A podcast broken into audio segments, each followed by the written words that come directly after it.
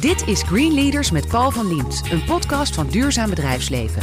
Het businessplatform voor succesvol duurzaam ondernemen. Wekelijks hoor je hier een Green Leader die de economie vernieuwt, verandert en verduurzaamt.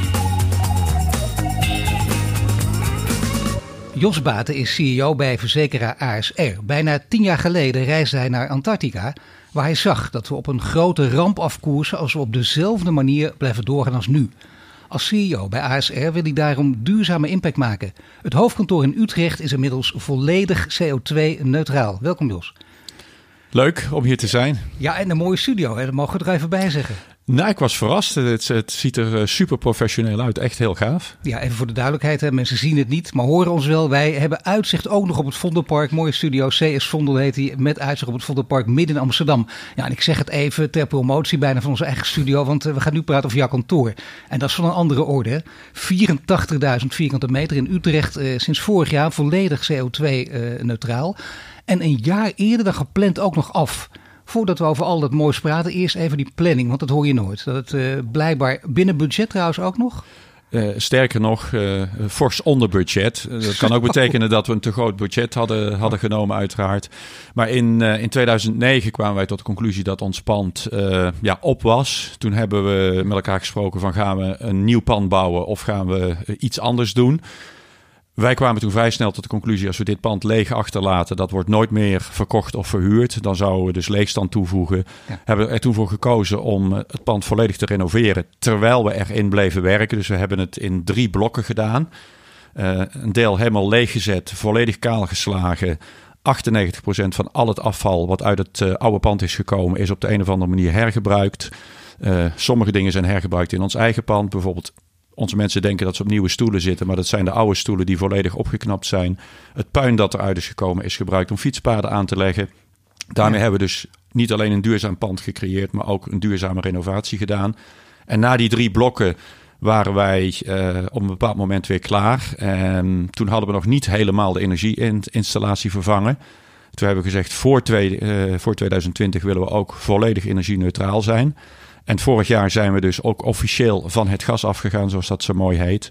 En ons pand is nu, nu dus volledig CO2-neutraal. Maar dus een jaar eerder dan gepland en ook nog onder budget. Dat hoor je dus echt normaal gesproken nooit. Hebben jullie ook een hele goede architect gehad? Want je zegt steeds wij, maar je hebt het niet zelf gedaan. Uh, nee, we hebben uh, alleen de opdracht gegeven. We hebben de goede architect gehad. We hebben goede aannemers gehad. Uh, maar we hebben vooral heel veel mensen intern, want we hebben enorm veel zelf gedaan. de mensen die ons pand al heel lang beheren, dat zijn vaak mensen die al, al 20, 30 jaar in dienst zijn hebben een passie voor dat pand. En die zijn nu ook alweer bezig met de volgende stap. Bijvoorbeeld, uh, wij willen dat onze mensen bij voorkeur elektrisch naar kantoor komen met elektrische auto's. Dus we hebben nu net ook het besluit genomen om het parkeerdek wat we hebben volledig te overkappen met, uh, met zonnepanelen. Keihard en, nieuws, hè? Het hing in de lucht, maar het is nu duidelijk. Ja, mooi. Het, ik kan er nu niet meer van terug. Nee. En dat betekent dus dat ergens volgend jaar ons parkeerdek volledig overkapt is met zonnepanelen. En dat alle laadpalen die daar staan, dat die gevoed worden door de zon. En dat we dus ook CO2-neutraal uh, de elektriciteit op de auto's uh, die bij ons parkeren uh, kunnen voeden. We gaan zo meteen uitgebreid praten over leiderschap. Maar toch even nu al een vraag. Want je zegt onze mensen doen mee die hier lang werken. Zijn trots op het pand. Ik zou bijna zeggen bijvoorbeeld als je de slepende discussie rond de Kuip in Rotterdam hoort. Dan zou je hier misschien wel een voorbeeld aan kunnen nemen. Ze hebben eraan meegedaan. Ze vinden het geweldig. Maar hoe neem je al die mensen mee? Want je kunt ook zo'n idee opperen. En dat mensen denken wacht even ga ik eerst een tijdje in de rot zo zitten. En al dat gedoe met CO2-neutraal schijt toch uit.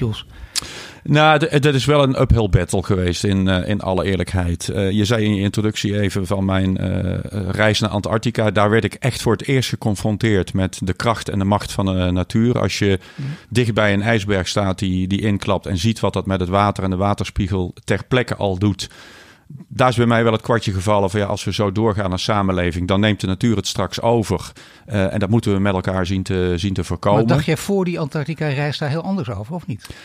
Nou, ik dacht er eigenlijk niet over. Het, het, het, was niet iets wat op mijn, uh, op mijn uh, vizier stond. Ik, ik was er te weinig mee, uh, mee geconfronteerd. En je las natuurlijk wel verhalen.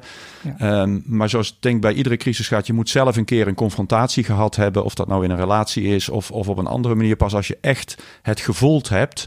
Ja, dan, dan gebeurt er iets. En bij mij gebeurde er in ieder geval iets. Ik ga hier iets in doen. We hebben als financiële instelling de positie om invloed uit te oefenen. We beginnen bij onszelf. Nou, intern kreeg ik daar niet direct de handen voor op elkaar. Dat ze allemaal mee moeten nemen in Antarctica, maar dat was... ja, dat, weer, uh, laat ik zo zeggen, dat was heel gaaf geweest. Um, tegelijkertijd had ik er 4000 mensen in een vliegtuig gezet. Dat had ook weer tot discussies geleid. ja. um, maar uiteindelijk um, geloof ik heel erg in guerrilla. En, en dat heb ik op veel gebieden in het bedrijf kunnen doen. Maar wat zeg je nou? Ik denk van Che Guevara, dan uh, verzetsbewegingen. Ja, nou ja, dat inspireert wel. Want dan verzamel je een hele kleine groep mensen die dezelfde belief hebben. Die geef je de rugdekking en de ruimte om iets te doen.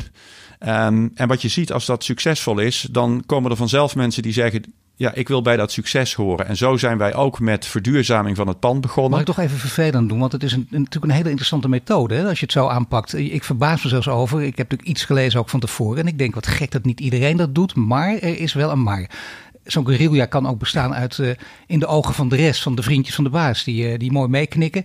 En die juist uh, namens de baas ons moeten opzwepen. Hoe kun je dat, die achterdocht eruit halen? Dat gebeurt ook een enkele keer wel dat dat, uh, dat, dat beeld ontstaat. Um, belangrijkste is dat je die mensen heel veel ruimte geeft en dat je ook uh, zelf kritisch blijft naar wat je, wat je vindt. En dat betekent dus als je bijvoorbeeld op verduurzaming, als je dan zo'n klein groepje aan het werk zet en die komen met andere ideeën dan je eigen ideeën, dan moet je ook bereid zijn om je eigen ideeën los te laten. Dat is in ieder geval de manier waarop wij het gedaan hebben. En uiteindelijk zag je dat steeds meer mensen enthousiast werden. Uh, dat ASR een aantrekkelijker werkgever werd. Dat er uh, nieuwe mensen aan boord kwamen. Zowel jonge mensen als mensen die op ons profiel afkwamen. Maar een aantrekkelijke wat... werkgever, in welke zin? Want dat, dat is natuurlijk interessant. Hè? Dat zullen anderen ook graag horen. Hoe ging dat dan? Waar, waarom werd je aantrekkelijker? Nou, kijk, uh, wij zijn natuurlijk genationaliseerd geweest uh, in de financiële crisis. Uh, toen lagen we echt wel op de rug, ook qua profiel in de buitenwereld. Wij hebben toen de keuze gemaakt. Voort is mooi boek De Kloof over geschreven. Ja. Helderol Jos Baten. Mensen mogen het allemaal teruglezen. Zeer, zeer ja. lezenswaardig boek. Um, wij hebben toen gezegd, wij gaan laten zien dat financiële bedrijven nuttig zijn. En, en dat nut kan alleen maar ontstaan als de samenleving houdt van je als bedrijf. Du moment dat de samenleving je niet meer als nuttig ziet, dan heb je geen toekomst meer. Dus zijn, dat is een heel lang proces geweest. Kleine stappen, het steeds beter doen. Ook laten zien dat je het beter doet. Het niet van de daken roepen. Uh, maar veel dingen doen, veel dingen intern doen. Ik heb veel kritiek gekregen dat we ja, te bescheiden waren. En we hebben steeds gezegd, we gaan eerst aan onszelf bewijzen dat we dit kunnen en dat we het doen. En dan ineens begint de buitenwereld te ontdekken, hé, hey, dat bedrijf is echt aan het veranderen. Nou, dat zagen we ook als werkgever. Mensen gingen, voordat ze bij ons solliciteerden, gingen lezen over ASR. Wat is ASR? Wat doet ASR? En dan krijgen we steeds vaker te horen van ja, het profiel wat jullie hebben, het maatschappelijke profiel wat jullie hebben, het duurzaamheidsprofiel wat jullie aan het opbouwen zijn, dat spreekt ons aan. Zeker jonge mensen die meer dan zeg maar mijn generatie zich bewust is van het belang van de verandering die we daarin moeten zetten. Ja, die stappen vrij makkelijk aan boord bij Want ons. in de crisis dachten inderdaad verzekeraars en banken het allemaal op één hoop gegooid. Dan ging het over slechte financiële producten natuurlijk. Dat was voor het gemak. En bovendien bij verzekeringen denk je per definitie aan hoge premies. En uh, ja. wat doen ze verder? En uh, je wordt je een beetje zagrijnig van. Dus het is een hele klus om dat inderdaad om te draaien. Dat beeld om te draaien. En, en, ja, en een zekere populariteit te verkrijgen. Nou ja, de populariteitsprijs zullen we als verzekeraars waarschijnlijk nooit krijgen. Uh, wij zijn denk ik nu wel op het punt dat steeds meer mensen zien dat wij in ieder geval de goede intenties hebben, dat we de goede dingen doen en dat wij niet alleen maar een partij zijn waar je premie aan betaalt en dan maar moet afwachten of een schade betaald wordt. Uh, bijvoorbeeld met, met een van de dingen die we de afgelopen tijd gedaan hebben, Vitality, waarbij we zeggen we gaan mensen helpen om gezond te leven. Ja, dat verwacht je misschien niet direct van je verzekeraar, maar wij denken dat dat in de toekomst steeds belangrijker gaat worden. Dat is ook verduurzaming, vind maar ik. hoe doen jullie dat dan? Nou, we hebben uh, er is een Zuid-Afrikaans concept uh, wat al 25 jaar uh, werkt in Zuid-Afrika. Waar gewoon wetenschappelijk is bewezen dat als mensen voldoende bewegen, als uh, mensen uh, gezonde voeding nemen. We hadden het net in het voorgesprek even over, over Amerika, wat we daar zien. Mag ik even nou, zeggen, voorgesprek, anders denken mensen dat wij voorgesprek hebben. Wij zagen elkaar eventjes in de kantine. Ja, en wij zaten meteen honderd uit te praten, de hele wereld doorgenomen. Ja, we hebben de, de wereldpolitiek al gezien, maar daar kwamen we even op Amerika en hoe jammer het was wat daar nu gebeurt. En 40% debat... obesitas trouwens, hè, nu het over gezondheid hebben, 40% overgewicht. Ik hoorde dat ook pas, zijn wel enorme cijfers. Hè, maar 20% van de Amerikanen heeft een normaal gewicht. Juist, en nou, het programma wat wij dus geïntroduceerd hebben, helpt mensen om een prikkel te krijgen om gezond te leven. Dat betekent dus als je uh, in, in een bepaalde week al je beweging hebt gedaan en je voldoende punten hebt gehaald, dan krijg je een beloning direct.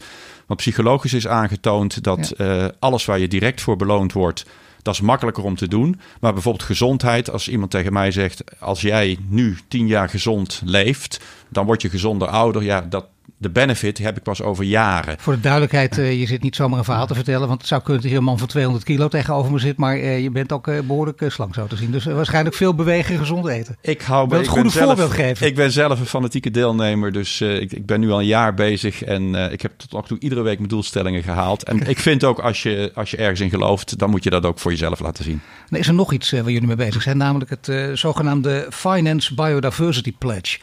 Ook om aan te geven dat je, dat je je woorden serieus neemt. Maar wat houdt dit precies in? Want daar ga je als verzekeraar je met biodiversiteit bezighouden. Terwijl op jullie lijstje staan bedrijfsonderdelen als vastgoed, vermogensbeheer, schadebedrijf. Dan denk je, hoe, waar is die link te maken? Nou, die is, die is voor ons eigenlijk heel eenvoudig. Uh, eh, ASR is na de overheid de, de grootste grondbezitter in Nederland. We hebben ongeveer een kleine 40.000 hectare aan grond. Dat zijn deels uh, natuurgebieden, uh, dat zijn grote parken uh, en dat is landbouwgrond. de landbouw, de intensieve landbouw, is best belastend voor de grond. Dus wij zijn met onze pachters, want we verpachten die grond aan boeren. We gaan niet zelf het land op.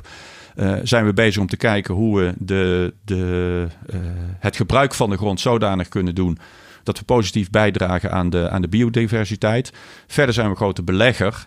En in die pledge hebben we ook beloofd dat als wij beleggen in bedrijven, dat wij dan wel uh, in onze selectiecriteria gaan meenemen. Dragen deze bedrijven bij aan verbetering van de biodiversiteit? Want één ding staat vast, als, als we ook daar niet op ingrijpen als samenleving. En ja, nu kunnen we zeggen van ja, dat die insecten verdwijnen, dat vinden we heel, uh, heel fijn, want dan worden we minder gestoken. Maar uiteindelijk is dat wel het begin van een voedselketen. En als die verder uitgehold wordt, uh, dan zijn we gewoon de leefbaarheid op deze aarde aan ja, het... geen insecten, dan ook geen fruit, uh, noem maar op. Ja, en zo, zo kun je de hele keten doortrekken. En ik denk dat dat besef nu ook bij bedrijven steeds belangrijker is geworden. En juist financiële instellingen die heel veel investeren, kunnen via die investeringen sturen op een positieve bijdrage. Wij kijken er altijd naar, wij proberen de negatieve bijdrage te verminderen door uit investeringen te stappen die niet bijdragen aan, uh, aan verbetering van het milieu, aan verbetering van het klimaat. En meer te investeren in bedrijven die daar wel aan bijdragen. Ja, hoe langer ik naar jou luister, hoe meer ik denk dat ik toch wel geloof in uh, misschien wel de communicatieadviseurs die destijds tegen je zeiden. Schreeuw het van de daken. Vertel wat je doet. Want het is een geweldig verhaal. Waarom hebben jullie toch gekozen voor de voorzichtige stapjes en het niet naar buiten schreeuwen? Is dat toch, uh, want je komt uit Limburg oorspronkelijk, toch een beetje de zuidelijke bescheidenheid? Of speelt er wat anders mee? Nou, dat die zuidelijke bescheidenheid die speelt altijd een rol. Die, die schud je ook niet meer van je af. Uh, maar wat bij mij heel erg meegespeeld heeft is... Uh, wij zijn hier eigenlijk in 2007 voor het eerst heel voorzichtig mee begonnen in onze beleggingen. Um, dat was ook de tijd van de financiële crisis. Dat de geloofwaardigheid van financiële instellingen, ja, die, die was beneden nul. Um, en we hebben op een gegeven moment intern gezegd, bijvoorbeeld onze beleggingsportefeuille, die is nu volledig gemonitord en die is, die is volledig ingezet op ons nieuwe duurzame beleid. Toen hebben we tegen elkaar gezegd, als er één journalist gaat graven in onze beleggingsportefeuille en die vindt één belegging die er niet aan voldoet, dan is onze geloofwaardigheid in één keer weg. Dus laten we eerst ja. 100% zeker zijn dat de dingen die we zeggen, dat we die ook waar kunnen maken. Um, nou, en ik denk, we hebben misschien achteraf een jaar of twee te lang gewacht uh, met het iets vocaler zijn en, maar en ermee je, naar buiten je wel, gaan. Heb je wel goede onderzoekers dan uh, ingehuurd? Misschien wel journalisten ook die, die dit kunnen en die uh, dachten, weet je wat, wij gaan dat voor jullie even uitzoeken. Net zoals je bijvoorbeeld uh, bepaalde ethische hackers kunt inhuren om te kijken of de cyberveiligheid goed geregeld is. Heb je, heb je dat ook gedaan? Wij hebben uh, ook extern laten toetsen. Uh, niet, al, niet alleen op onze portefeuille, maar ook bijvoorbeeld op, op, op hacken, et cetera. Dat, daar maken we inderdaad ook gebruik van, van dit soort methoden. Om zeker te weten. Kijk, want je, zelf zit je vrij snel in een tunnel. En, en ja, wij van WC Eend. Nou, iedereen kent de uitspraak, maar dat wil je voorkomen. Dus we hebben ons daar ook door verschillende externe organisaties op laten uitdagen. En dat blijkt ook uit de erkenning die we uh, van objectieve externe uh, instellingen krijgen. VBDO heeft ons bijvoorbeeld al een aantal jaren op rij uitgeroepen tot de meest duurzame belegger. Je hoort Jos Baten en straks praten we verder over de transitie naar een duurzame economie. Maar eerst hebben we het over zijn persoonlijke drijfveren en duurzaam leiderschap. Música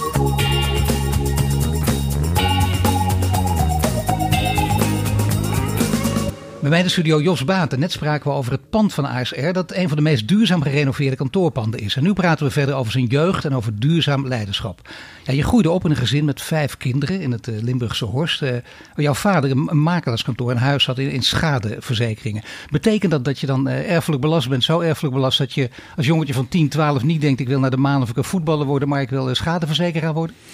Ik denk dat ik toen niet eens wist wat het was. Uh, maar waar ik vreselijk door gefascineerd werd. Uh, mijn vader had een vrij grote klantenkring van mensen die in de transportwereld zaten. Dus uh, mensen met vrachtauto's, om het maar populair te zeggen. Ja.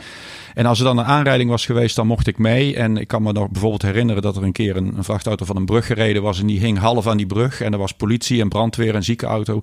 En mijn vader mocht met al die autoriteiten praten. En dat vond ik vreselijk fascinerend. Toen heb ik als kind besloten, dit wil ik later ook. Zonder dat ik eigenlijk wist wat zijn echte werk was. Nou, uiteindelijk ben ik dat gaan doen door stage te gaan lopen bij een verzekeringsmaatschappij in Rotterdam. Met de bedoeling om ooit het bedrijf van mijn vader over te nemen. En toen ik eenmaal die stage had gelopen, was ik zo gefascineerd door wat daar gebeurde. Ja, dat ik daar ben blijven hangen. Ja, dat is waar. Maar uh, dan denk je, hij hij treedt in zekere zin in de voetsporen van zijn vader, maar dat was het natuurlijk juist niet. Hè. Er was ook enige teleurstelling en verwijdering, of niet? Ja, toen, uh, toen uh, mijn vader had een familiebedrijf. Hij was zelf de derde generatie. En, en hij had helemaal gehoopt dat ik het bedrijf over zou ja. nemen. Dus toen ik besloot om dat niet te doen, was hij uh, ja, inderdaad zwaar teleurgesteld. En dat heeft wel een tijdje even tussen ons ingestaan. Maar ja, uiteindelijk is dat, dat ook weer goed wel gekomen. hele moeilijke, dat geldt niet alleen voor jou, dat weten we in Nederland ook. Hè. Familiebedrijf, dat wordt natuurlijk niet voor niets ook uh, geprezen. Uh, alle wegen ook, merk je zeker ook in deze coronatijden. Waar mensen nog eens zien hoe belangrijk dat is. het is ook een, altijd een prachtig verhaal. Het is bijna te romantisch. Degene die de, de werkelijkheid kennen zien dat er natuurlijk altijd ook veel schone schijn bij is. Maar vaak heel erg mooi. Dus het is ook een keiharde breuk. Wat is voor jou de reden? Uiteindelijk toen je ouder werd? Want dat zat er wel als jong, uh, jonge jongen eigenlijk in. Ja, voor mij, ik ben denk ik best eigenwijs. Um, en als ik door het dorp liep, was ik altijd de, de zoon van mijn vader. Nou ben ik dat ook. Uh, het is ook, ook qua natuur ben ik de zoon van mijn vader en mijn moeder. Maar ik had zoiets van, ja, ik wil niet door het leven gaan als de zoon van. En gezien worden als iemand die het succesvolle bedrijf van zijn vader heeft overgenomen. En daarop verder komt teren. Uh, ik had er sterke behoefte om een eigen pad te hakken. En, ja. en die drijfveer heeft mij er uiteindelijk toe gebracht. In combinatie met. Ik kwam in Rotterdam terecht. Uh, best beschermd opgevoed in een beschermde omgeving. Ja. Waar het heel belangrijk was wat de buren van je vonden. En wat de klanten van je vonden. Ja. Ik had ook wel behoefte aan een stukje. Uh, onafhankelijke positionering. En die dingen tezamen hebben er mij toe gebracht om, uh, ja, om mijn eigen pad te hakken. Ja, dat heb je duidelijk gedaan. En daarna werd het bijna provocerend ook nog dit zo te ontwikkelen. Een nieuwe klap voor je vader. Ja, Toeschandelaren uitschakelen. mijn, uh, mijn vader was daar zeker niet blij mee. Hij niet alleen. Uh, ons uh, collectieve intermediair, uh, waar we het bedrijf op gebouwd hebben, waren daar heel boos over. Iets wat ik overigens ook heel goed begreep en, en nog steeds begrijp. Tegelijkertijd zie je ook in de, in de samenleving dat online een steeds belangrijkere positie inneemt. En hebben we daar inmiddels een beter evenwicht in gevonden. En snapt ook iedereen wat we doen. En is het conflict tussen de online distributie en de intermediaire distributie is langzamerhand ook wel aan het verdwijnen. Nu vind ik het wel interessant dat je steeds zegt, uh, een paar keer al in dit gesprek, uh, je bent dus uit Limburg weggegaan naar Rotterdam. Je zag daar de voordelen ook van. Maar toch is, en ondanks, je bent ook een man die een bedrijf leidt met 4000 mensen. Uh, een big shot geworden, bekend ook zeker in je eigen wereld, maar langzamerhand ook groot. Zeker ook met deze duurzaamheidsdoelstellingen. En dan toch zeg je dat, dat Limburgse, dat bescheidene, dat, dat gaat er nooit uit en, en ja, op, ik bedoel op een heel prettige manier, maar toen ik je net ontmoette ook meteen en nu ook, er zit een zekere verlegenheid in. Je hebt ook, uh, je kent ze wel, de CEO's, ik even zou staan, de armen over elkaar en bam. En jij heeft mij niks te vertellen en uh, elke vraag is irritant. Maar uh, ook al vind jij dat, je laat het niet merken, je blijft vriendelijk. Is, nou, je hebt is, nog geen irritante vragen gesteld, dus... Ga dadelijk mijn best doen. ik, maar is het, is het niet belangrijk dat je, dat, dat, dat, om dat juist wel van je af te schudden? Of zeg je nee, het zit in me en ik voel me er ook goed bij. Ik wil het ook niet afschudden. Uh, ik heb een tijd lang geprobeerd dat van me af te schudden. Uh, en toen kreeg ik vooral uit mijn omgeving uh, te horen, te beginnen aan het thuisfront van... joh, doe even lekker normaal, dit ben jij niet. Ja. Uh, dit is wie ik ben en wat ik ben. Ja, mag ik zo, maar dat kregen we, dat zie je vaak. Bij politici zien we dat. Die krijgen dan training en dan kunnen we dat direct waarnemen. En iemand die dan een zekere verlegenheid heeft, eigenlijk sympathiek ook, die gaat opeens uh, zich stoer en strak gedragen. En dat is raar. Het, dat voelde voor mij, ook. het voelde voor mij ook gewoon niet oké. Okay, en ik heb dat vrij snel weer achter me gelaten. Ja, ik ben wie ik ben. En uh, ja, mensen moeten me maar nemen zoals ik ben. En ja, ik, ik doe het zoals ik denk dat ik het goed moet doen. Nou, maar toch er gebeuren wat dingen in je leven. Je, je viert successen, je, je wordt internationaal, je wordt groter, je maakt reizen, je wordt meer man van de wereld. Dat doet toch iets met iemand? Ja, maar ik heb gelukkig een thuisfront uh, die als ik uh, de neiging heb om uh, naast mijn schoenen te gaan lopen, die me er acuut weer in, in terugduwt. Dus Zo. ik heb die neiging ook de afgelopen jaren maar niet meer te veel tentoongespreid. De echte CEO zit thuis eigenlijk. Uiteindelijk is dat denk ik in veel gezinnen zo. Wat, wat doet je vrouw als ik vragen mag? Zij is psychotherapeut. Oh, kijk aan. hey, dat is interessant. Dan dus heeft dat, ze je echt helemaal door. Kijk, dwars door je heen. Ja, met dien verstande dat uh, de afspraak van het begin van haar carrière al is dat, uh, dat wij een liefdesrelatie hebben en geen psychotherapierelatie. Maar zoals ik mijn werk mee naar huis neem, neemt zij dat uh, ook mee aan de keukentafel. Dus het is niet uit te sluiten dat, dat dingen die zij in haar vak toepast, dat, ja, dat die mij ook wel eens overkomen. Nee, maar dat lijkt me heel prettig allemaal. Ja. Dat is een heel goed. Ja, het heeft mij geholpen. Dat snap ik. Dan heb je nog iets, namelijk, je hebt dat genoemd. Hè, het, ik, ik, noem het dan vaak het kantelpunt. Je, je probeert een ander woord, maar een beetje cliché, maar dan weten we waar het over gaat. Echt een moment in je leven. Dat was voor jou Antarctica. Want zoals veel mensen was klimaat wel belangrijk, maar niet echt iets wat op je netvlies staat. En daar heb je, werd je gegrepen door wat er gebeurde. Dus het is goed, denk ik, om precies te beschrijven wat daar gebeurde. Want je ging erheen, als ik het goed begrijp, als, als hobbyfotograaf. Ja, fotografie is een, uh, vanaf mijn negende al een grote passie. Um, en ik fotografeer eigenlijk bij voorkeur mensen. En een goede vriend van mij die uh, uh, voor het Wereld Natuurfonds fotografeerde, Wim van Passel... die wat ouder is, die zei op een gegeven moment tegen me... Jos, ik ga nog één keer naar Antarctica, dus als je nog een keer mee wil, dan moet je nu meegaan. En ik had het hem beloofd dat ik een keer mee zou gaan. Dus toen heb ik een paar weken vrijgenomen en ben met hem meegegaan naar Antarctica... Um, ik dacht niet dat ik het fotografisch leuk zou vinden. Want ja, wat, wat moet je nou met ijs en, en een paar pingwings? Ja. Uh, heel weinig mensen, hoewel je daar wel wetenschappers ontmoet die ook wel weer interessant zijn. En eigenlijk vanaf het eerste begin werd ik gegrepen door de, de enormheid van de natuur. Um, door de schoonheid van de natuur. Um, de, de, de leefgemeenschappen die daar zijn. allerlei soorten dieren die door elkaar lopen. Kleine dieren, grote dieren die elkaar levend opeten, et cetera. Daar kwam bij mij binnen van ja, de natuur gaat gewoon zijn eigen gang. dat, dat was één. En op een gegeven moment uh, zaten we in een klein rubberbootje en voeren we door een gebied met, uh, met heel veel losgeslagen ijsbergen. En ja, op 50 of 100 meter stortte er een, een, uh, een deel van die ijsberg in. En dat gaf zo'n enorme grote hekgolf. En toen realiseerde ik mij ineens van ja, dit is dus wat de wetenschappers bedoelen als ze zeggen dat die ijsbergen loskomen, dat gaat smelten, dat de zeespiegel om, uh, omhoog gaat. Ja, dan denk je toch terug aan het kleine kikkerlandje waar je woont, waarvan je weet dat het, het, het halve land of, of, of, of een derde van het land ligt feitelijk onder de zeespiegel. En toen kwam bij mij echt binnen, ja, als dit dus zo doorgaat, ja, dan zijn we er gewoon een bende van het maken met elkaar. Um, ja, en daar is voor, voor mij, zeg maar, misschien niet het zaadje geplant, maar wel ontkiemd. Om nou, te zeggen van ja, alles wat ik kan doen, moet ik doen echt, als je het zo vertelt, ook echt een ingrijpende ervaring natuurlijk. Maar dan vervolgens, en dat zie je vaker, dan, dan komt leiderschap om de hoek kijken. Want dan leid je een bedrijf met veel mensen.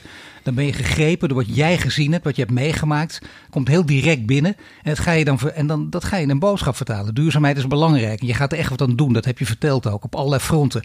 Maar ja, dan moet je wel al die mensen meekrijgen die niet die directe ervaring hebben, niet die directe belevenis hebben eh, ervaren. Hoe heb je dat voor elkaar gekregen? Door er veel over te praten. En, en wat we net al even in het eerste blok uh, noemden, door toch wel de guerrilla-techniek toe te passen. En met kleine groepjes mensen die dezelfde passie hadden, die dezelfde beelden hadden. Dat begon bij de renovatie van het pand. Aantal mensen die, die echt zoiets hadden van: we krijgen nu dit, uh, de kans om dit pand echt duurzaam te renoveren.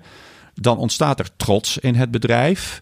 Dan komen er mensen met ideeën. Uh, en dat, dat, dat, kan, dat kunnen hele simpele ideeën zijn. Bijvoorbeeld op een gegeven moment zei iemand van als we de prullenbakken nou eens weghalen in het pand, dan gaan mensen vanzelf minder papier gebruiken. Nou, dat gaf even opstand, want ja, je eigen prullenbak, uh, dat, is, dat is toch, ja, dat, dat doe je niet. Nee. Uh, maar hebben we wel gedaan. En dan zie je, dan zag je gebeuren dat mensen die met leuke ideeën kwamen, dat daar iets mee gedaan werd. Dus het aantal ideeën nam steeds meer toe.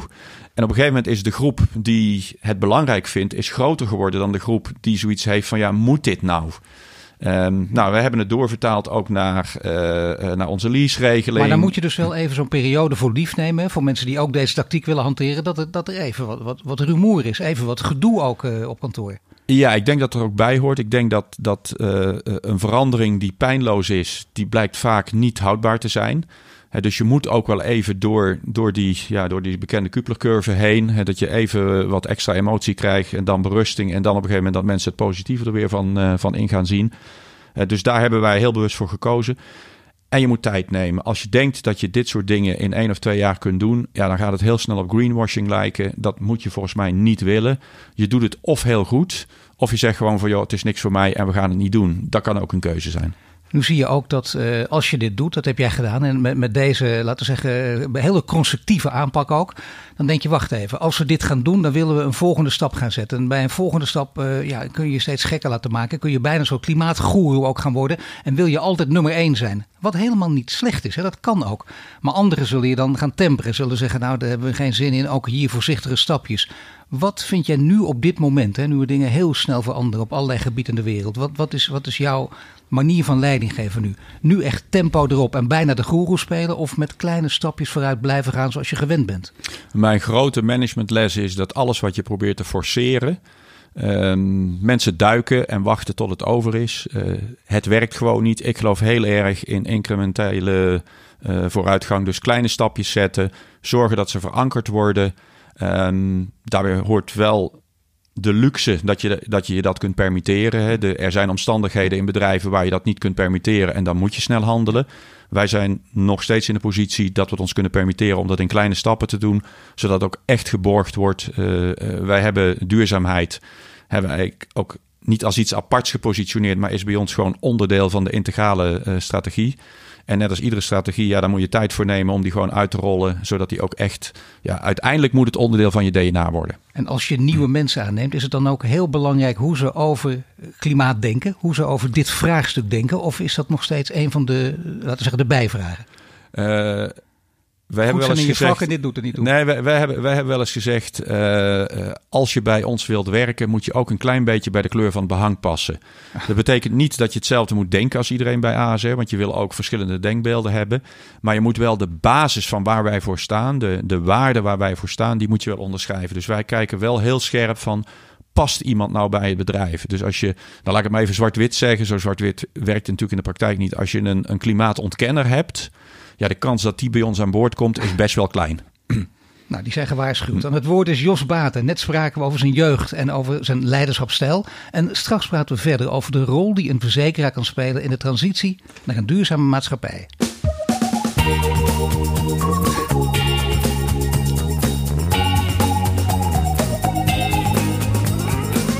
Bij mij in de studio Jos Baten. Net spraken we over duurzaam leiderschap. En nu praten we verder over de transitie die ASR doormaakt naar een duurzame verzekeraar. Um, Jos hadden eerder Tijen Veen van Sky Energy te gast hier in uh, de podcaststudio. En had uh, de volgende vraag voor jou. Ik vind, ik het mooi om te zien hoe uh, ASR zich positioneert. Wij investeren niet in de tabaksindustrie, wapens, kinderarbeid. Maar hoe ga je nou naar de volgende stap van duurzaamheid? Want dat is natuurlijk een klein stapje hoe krijg je daadwerkelijk duurzame investeringen op, op jouw lijstje? Ja, dit noemt hij een klein stapje. Dat is interessant. Hè? Want vaak houdt het ook daarbij op en dan denken mensen zo. Maar het gaat om een echt grote stap. Ben je dat met hem eens? Absoluut. Um, de stap die, eh, die Tijen in zijn vraag uh, beschrijft, is eigenlijk een stap die wij in 2007 zijn begonnen te zetten. We hadden toen een grote pensioenklant die ons vragen ging stellen over waar hebben jullie eigenlijk mijn pensioengeld in belegd. Dat was zo'n moment dat je daar wat beter over na ging denken. Toen zijn de uitsluitingen voor kinderarbeid, uh, tabak, et cetera, wapens uh, uh, zijn op ons vizier gekomen. In een later stadium, hè, dus 2012, 2013, de periode nadat ik naar Antarctica was geweest, is klimaat ook steeds belangrijker geworden. Um, toen hebben we op een gegeven moment gezegd, wij moeten gaan meten wat de CO2-uitstoot van onze beleggingen is. Dus de volgende stap die wij gezet hebben is in kaart brengen uh, als wij beleggen in bedrijven, in landen, uh, in allerlei initiatieven, welke CO2-uitstoot veroorzaken we daar nou mee met die beleggingen? Nou, toen hebben we als doelstelling gesteld dat we ten minste van 95%, zowel in onze grondportefeuille, in onze panden, maar ook in onze financiële beleggingen, in onze hypotheekportefeuille, dat in kaart wilden hebben. We zitten nu op 91% van onze totale portefeuille, weten wij wat de CO2-uitstoot is. De volgende stap is dat wij CO2-verlagingsdoelstellingen gaan koppelen aan die beleggingsportefeuille. Dus als wij bijvoorbeeld zien, wij hebben een, uh, een kantoorblok in ons bezit en daar is de CO2-uitstoot is X, dan, dan gaan we dan nu doelstellingen opzetten. Binnen een paar jaar moet die met bijvoorbeeld 50% teruggebracht zijn. Dat is één stap die we zetten. Tweede wat we doen is in onze nieuwe beleggingen. Uh, wij, krijgen, wij krijgen polisgelden binnen van klanten. In onze nieuwe beleggingen hebben wij gezegd... we gaan binnen drie jaar 1,2 miljard beleggen in zogenaamde impact investment.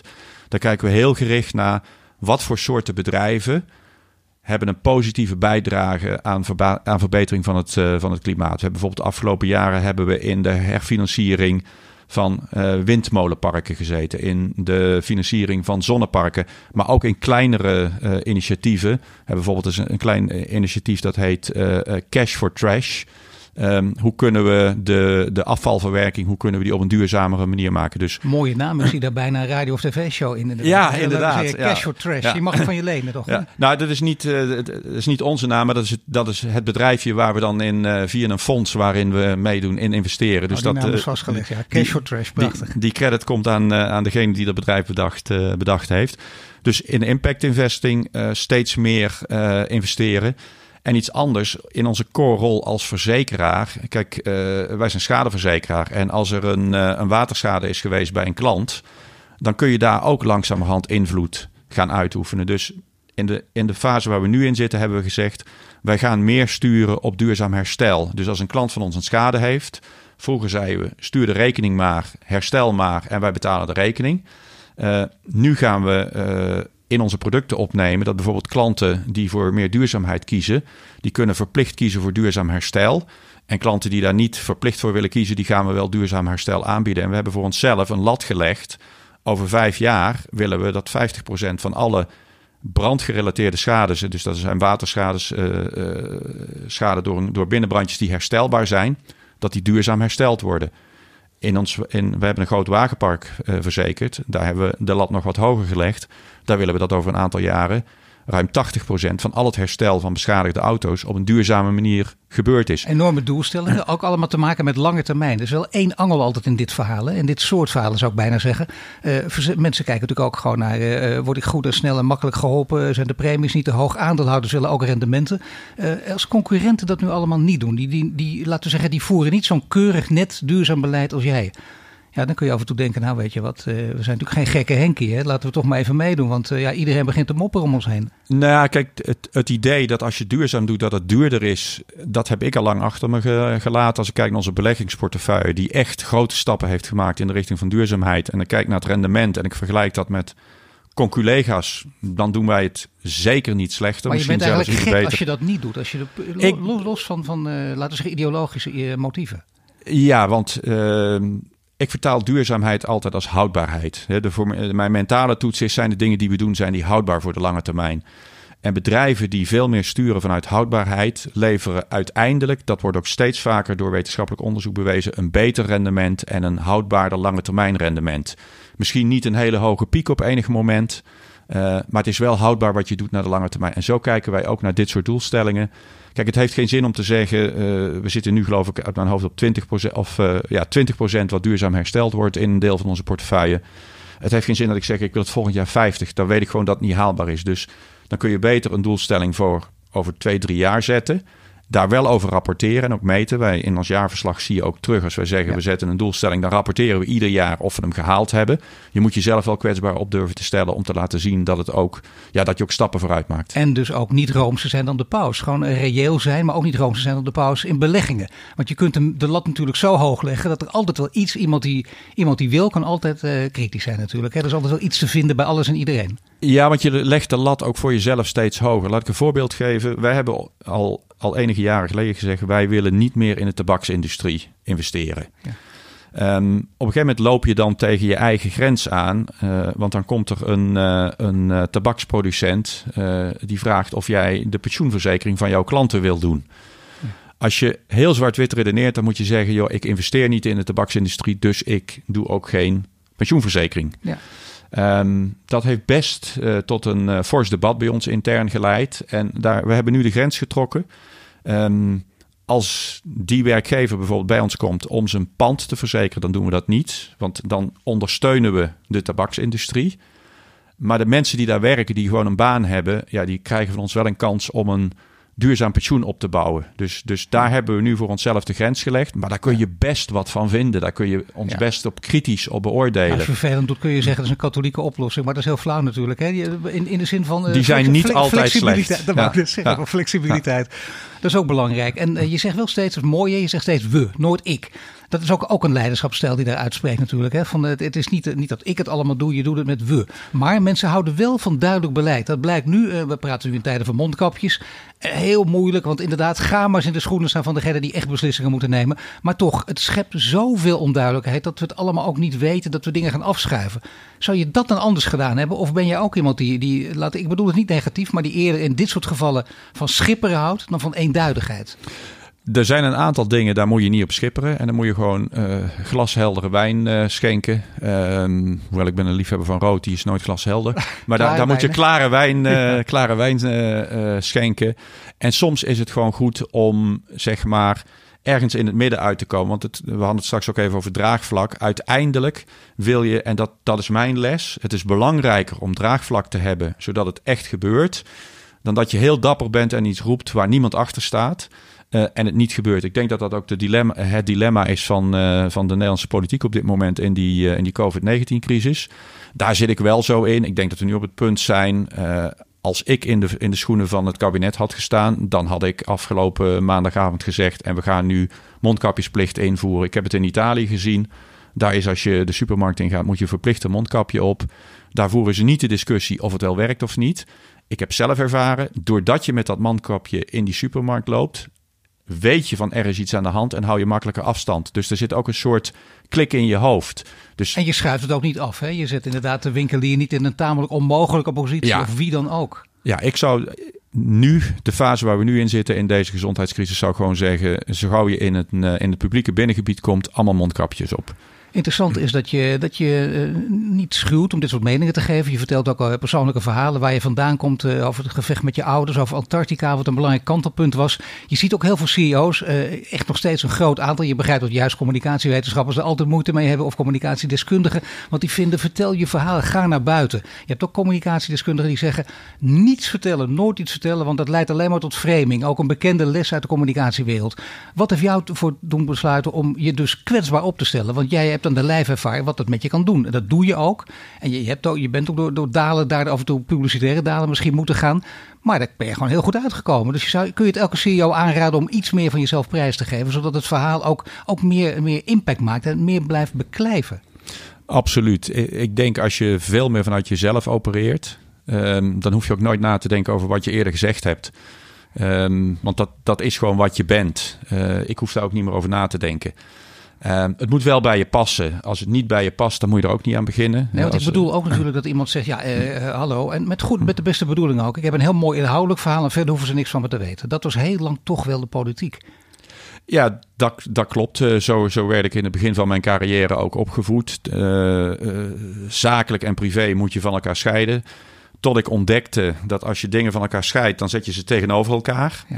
En als dingen tegenover elkaar staan, ontstaat er eerder een conflict. Ik kreeg dat conflict ook, hè, doordat ik thuis niks over het werk vertelde. En mijn partner Gerda, die, die wist niet waarom ik geinig of vrolijk thuis kwam, want ik vertelde er niks over. Dus ik ben gaan ontdekken, als je die dingen wat meer over elkaar legt, dan, ja, dan wordt je leven ook gewoon makkelijker. Ik kan het iedereen aanbevelen, uh, maar het moet ook bij je passen. Ja, maar je moet er dus ook tegen kunnen, want het, het heeft een keerzijde. Hè? Er zijn inderdaad mensen die daar gebruik van maken, maar daar moet je boven staan. En dat, dat kan dus ook. Dat is jouw levensles bijna. Ja, ik, op een gegeven moment uh, moet je ook maar gewoon niet meer alles lezen. Uh, ik zit niet op social media, uh, omdat ja, ik denk van ja, daar word ik waarschijnlijk niet echt vrolijk van. Nee. Ook na zo'n podcast als deze, daar zullen ook mensen anders, anders op reageren. Ja, ik ben daar oké okay mee. Als mensen vinden dat ze dat moeten doen, moeten ze dat doen. Nee, het zou toch te erg zijn voor woorden dat je het om die reden niet meer zou doen. Helemaal niet naar deze podcast. En ik heb nog wel eentje natuurlijk, als altijd op het eind natuurlijk, dit citaatje.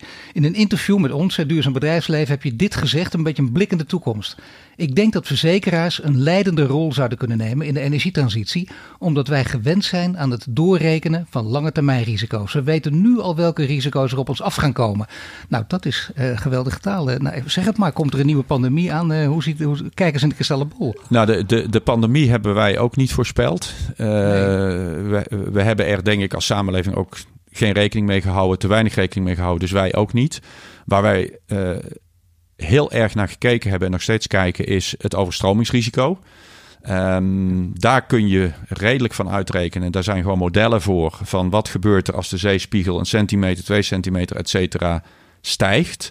Dan weet je al, als wij niet in staat zijn om uh, de CO2 uh, terug te brengen en de temperatuur, de temperatuurstijging terug te brengen. Hè, als, als we nu beleid bevriezen en blijven doen wat we doen, dan weten we zeker dat onze kinderen, maar in ieder geval de kinderen van onze kinderen, krijgen te maken met een land wat voor een groot gedeelte onder water staat. Nou, dat soort modellen gebruiken wij ook om beleid te maken. Daarom hebben wij bijvoorbeeld recent gezegd: wij gaan een gedeelte van de overstromingsschade gaan wij meenemen in, in onze dekking. Uh, maar voeren we ook het debat als sector met de overheid. Wij moeten met elkaar iets doen. Kijk, de mensen die hier in Amsterdam wonen, deze podcast wordt in Amsterdam opgenomen. Uh, die uh, kunnen die lasten niet zelf dragen. Dus wij hebben wel eens tegen de overheid gezegd als sector: kun je niet samen met ons een model ontwikkelen waarin iedereen in Nederland een kleine bijdrage levert om overstromingsschade te dekken als het gebeurt in de gebieden waar uh, mensen kwetsbaarder zijn voor overstroming. Tot nog toe heeft de overheid daar nee tegen gezegd. Maar onze modellen wijzen er gewoon op, ja, als we dat niet doen, dan, dan krijgen we weer een keer een enorme grote uh, overstromingsschade. En dat moeten we denk ik met de dijken voorkomen, met, uh, met allerlei maatregelen, met terugdringen van de stijging van de temperatuur. Je maar weet waar je over praat. Jullie hebben als verzekeringsbedrijf heel veel, heel veel ervaring mee, maar je weet ook de kritiek op modellen. Kijk met name naar het, naar het CPB. die op een gegeven moment werden CPB-economen, had ik, heb ik over de tijd van financiële crisis, mm -hmm. weet je nog alles van. Die werden gewoon bijna boos. Ik heb het zelfs in interviews meegemaakt. Als je daar enige twijfel aan, aan, aan gaf, of, of een beetje, een beetje kritisch was, want ze werden boos dat de, model, dat de werkelijkheid niet reageerde op hun modellen. Dat is natuurlijk de omgekeerde wereld. Dat klopt. Uh, tegelijkertijd, uh, uh, als het gaat om voorspellen, dan is het heel lastig, zeker de toekomst. en is dit waar je je op kunt baseren als iemand een, laat ik zo zeggen, een betere manier van benaderen kent, dan, dan, dan kijken we er uiteraard ook naar. Maar het doorrekenen van wat gebeurt er als je de lijntjes doortrekt en daarmee rekening, rekening houdt met de dingen die je nu weet, is denk ik het beste wat we nu kunnen doen. En dan zie je in ieder geval, we hebben het ook als verzekeraars uitgerekend, als we niks doen, dan gaat de weergerelateerde schade gaat de komende jaren met 15% omhoog. We zien het al. Kijk, met het aantal stormen de afgelopen jaren, wat we hebben gehad, de schade die daardoor veroorzaakt is, die is gewoon absoluut hoger dan in de tientallen jaren daarvoor. Nou, dat lijntje kun je in ieder geval doortrekken. Als we niks doen, gaat het de komende 5 tot 10 jaar gaan we 15% meer weergerelateerde schade juist krijgen. Omdat, juist omdat in deze tijd dat we zien hè, de grote verwevenheid van alles met elkaar. Wat je er ook over denkt, het is een feit. Zou het niet handig zijn als jij of iemand als jij een deel uit gaat maken van het OMT? Nou, ik, weet, ik denk dat dat een te grote broek zou, uh, uh, zou zijn. Uh, daar zitten volgens mij hele deskundige mensen. En, en nou, ik heb wel eens meelij met de politici die ons land op dit moment leiden. Want nou ja, ik vind het al soms lastig om voor 4000 mensen het goede te doen. Uh, en dan zie ik zo'n arme Rutte daar staan die voor 17 miljoen mensen het goede moet doen. Uh, ik vind dat kabinet uh, binnen de mogelijkheden die er ligt heel veel dingen goed doet. En soms zou het een tandje sterker kunnen zijn. En volgens mij worden ze daar goed op geadviseerd. En maken ze iedere keer weer de afweging die ik ook altijd maak van waarvoor is draagvlak te krijgen. Want je kunt wel een hele dappere maatregel nemen, maar als er geen draagvlak voor is, dan loopt het waarschijnlijk ook in het honderd. Ik dank je wel voor dit gesprek. Jos Baten van ASR. Je luisterde naar een podcast van Duurzaam Bedrijfsleven. Mede mogelijk gemaakt door onze partners Ebbingen, Hill en Nolten. Volgende week dan zijn we terug met een nieuwe Green Leader. Dit was de Green Leaders podcast voor deze week. Volg onze website voor meer nieuws over succesvol duurzaam ondernemen. Wil je meer afleveringen luisteren? Abonneer je dan nu via iTunes of Spotify en krijg een melding wanneer er een nieuwe podcast online staat.